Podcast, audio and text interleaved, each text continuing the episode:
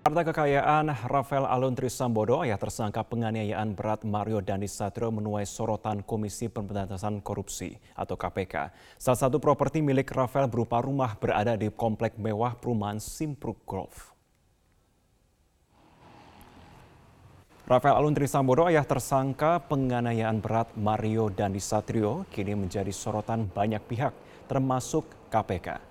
Pasalnya, harta kekayaan Rafael yang tercatat dalam laporan harta kekayaan penyelenggara negara atau LHKPN mencapai 56 miliar rupiah. Harta ini belum termasuk mobil mewah Rubicon yang digunakan Mario saat melakukan aksi penganiayaan terhadap David. Keberadaan rumah milik Rafael di perumahan Simpruk, Jakarta Selatan diketahui dari unggahan video tersangka Mario di media sosialnya. Menurut petugas perumahan, saat ini rumah tersebut kosong dan hanya digunakan sebagai rumah singgah Rafael dan keluarga ketika berada di Jakarta. Pihak KPK telah menyatakan akan memanggil Rafael untuk dimintai keterangan terkait harta kekayaannya. Rois Suryah PWNU DKI Jakarta Kiai Haji Muhyiddin Ishak mendesak aparat kepolisian serius mengusut kasus penganiayaan terhadap David Ozora Latumahina. Sementara itu meskipun belum sadarkan diri pihak keluarga menyebut David telah bisa merespon suara dan juga cahaya.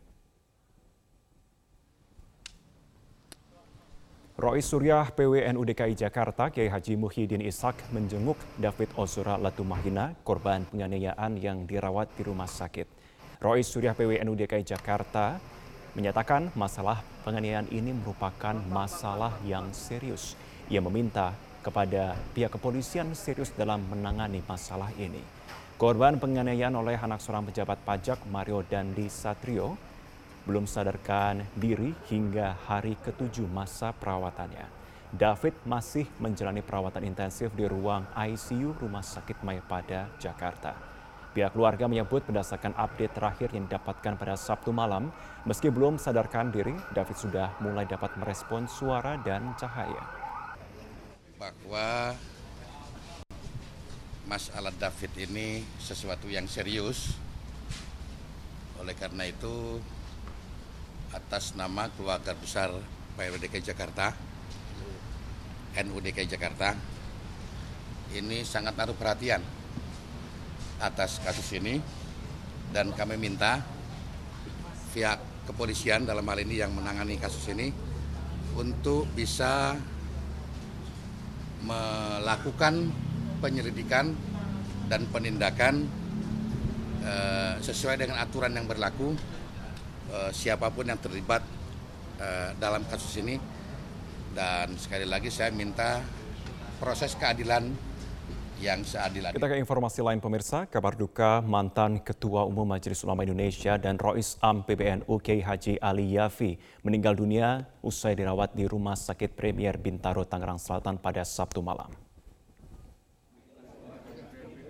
Sebelum meninggal dunia, Kiai Haji Ali Yafi dirawat di Rumah Sakit Premier Bintaro selama dua pekan karena gangguan pernafasan sekaligus faktor usia. Tim dokter yang merawat almarhum juga menemukan adanya cairan di dalam paru-paru dan flek di jantung. Kiai Haji Ali Yafi meninggal dunia di usia yang ke-96 tahun. Jenazah almarhum kemudian dimakamkan di TPU Tanah Kusir pada minggu siang. Wakil Presiden Kiai Haji Ma'ruf Amin yang melayat ke rumah duka menyebut Kiai Haji Ali Yafi merupakan ulama besar yang juga peduli pada kondisi bangsa.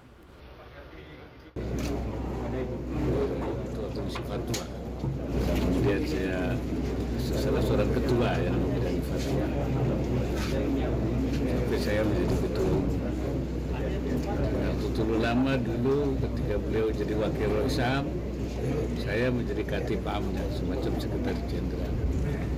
Nah, bagi saya beliau itu seorang yang banyak ilmunya.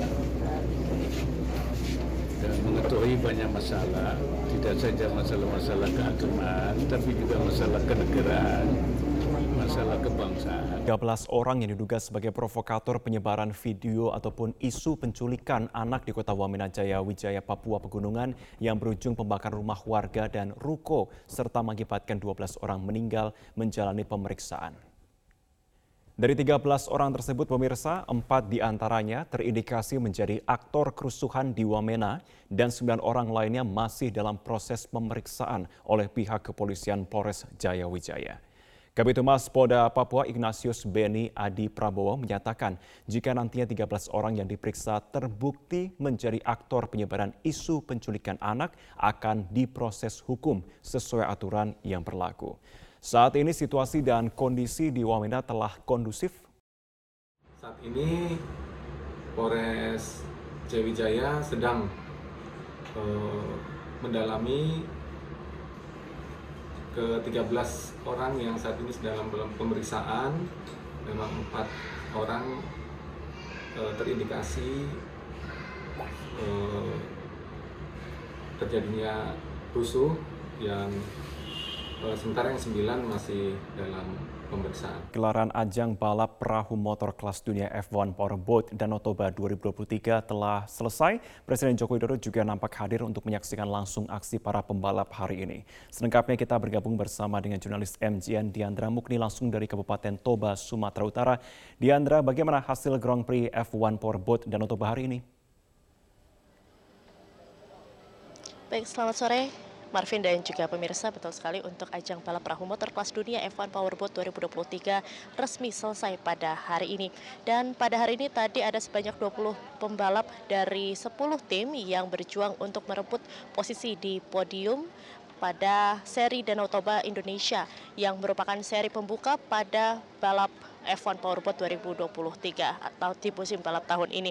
Dan pada hari ini pebalap dari Strome Racing asal Polandia, Bartek Marzalek meraih poin penuh setelah memenangi race pertama yang diselenggarakan pada pukul 12 waktu Indonesia Barat tadi dan ia berhasil finish pertama dengan melintasi sirkuit sepanjang 2,2 km dengan sebanyak 18 lap dan di posisi kedua ada dari tim Sharjah yaitu Sami Selio yang terpaut 01,97 detik dari Marzalek dan di posisi ketiga ada Eric Stark asal tim Victory yang terpaut 03,26 detik.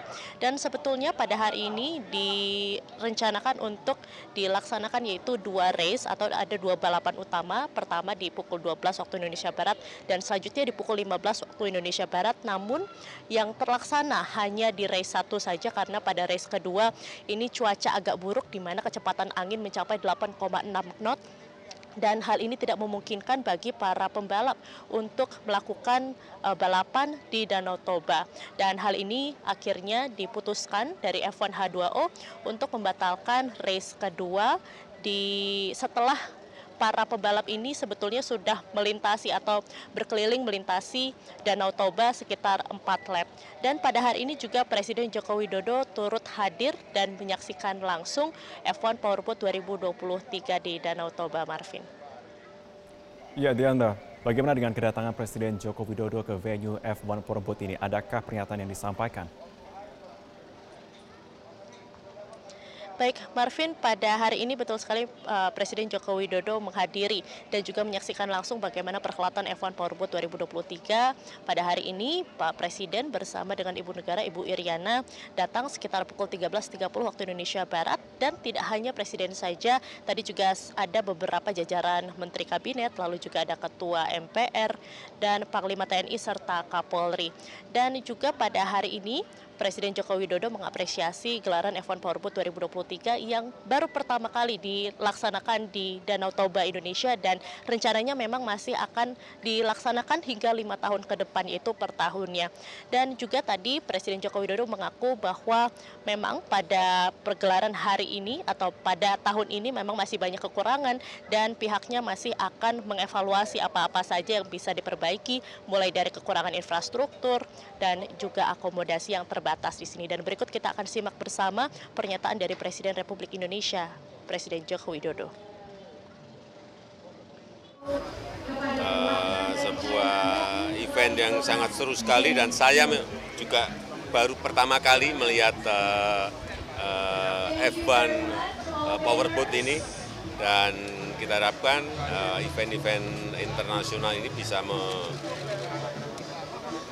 membangun brand setiap daerah di sini di uh, Danau Toba ada uh, F1 uh, Powerboat nanti di Mandalika ada MotoGP, di Jakarta ada uh, Formula E, nanti di Mandalika ada uh, Superbike. Saya kira ini akan apa akan men-trigger ekonomi di daerah. Sangat bagus sekali.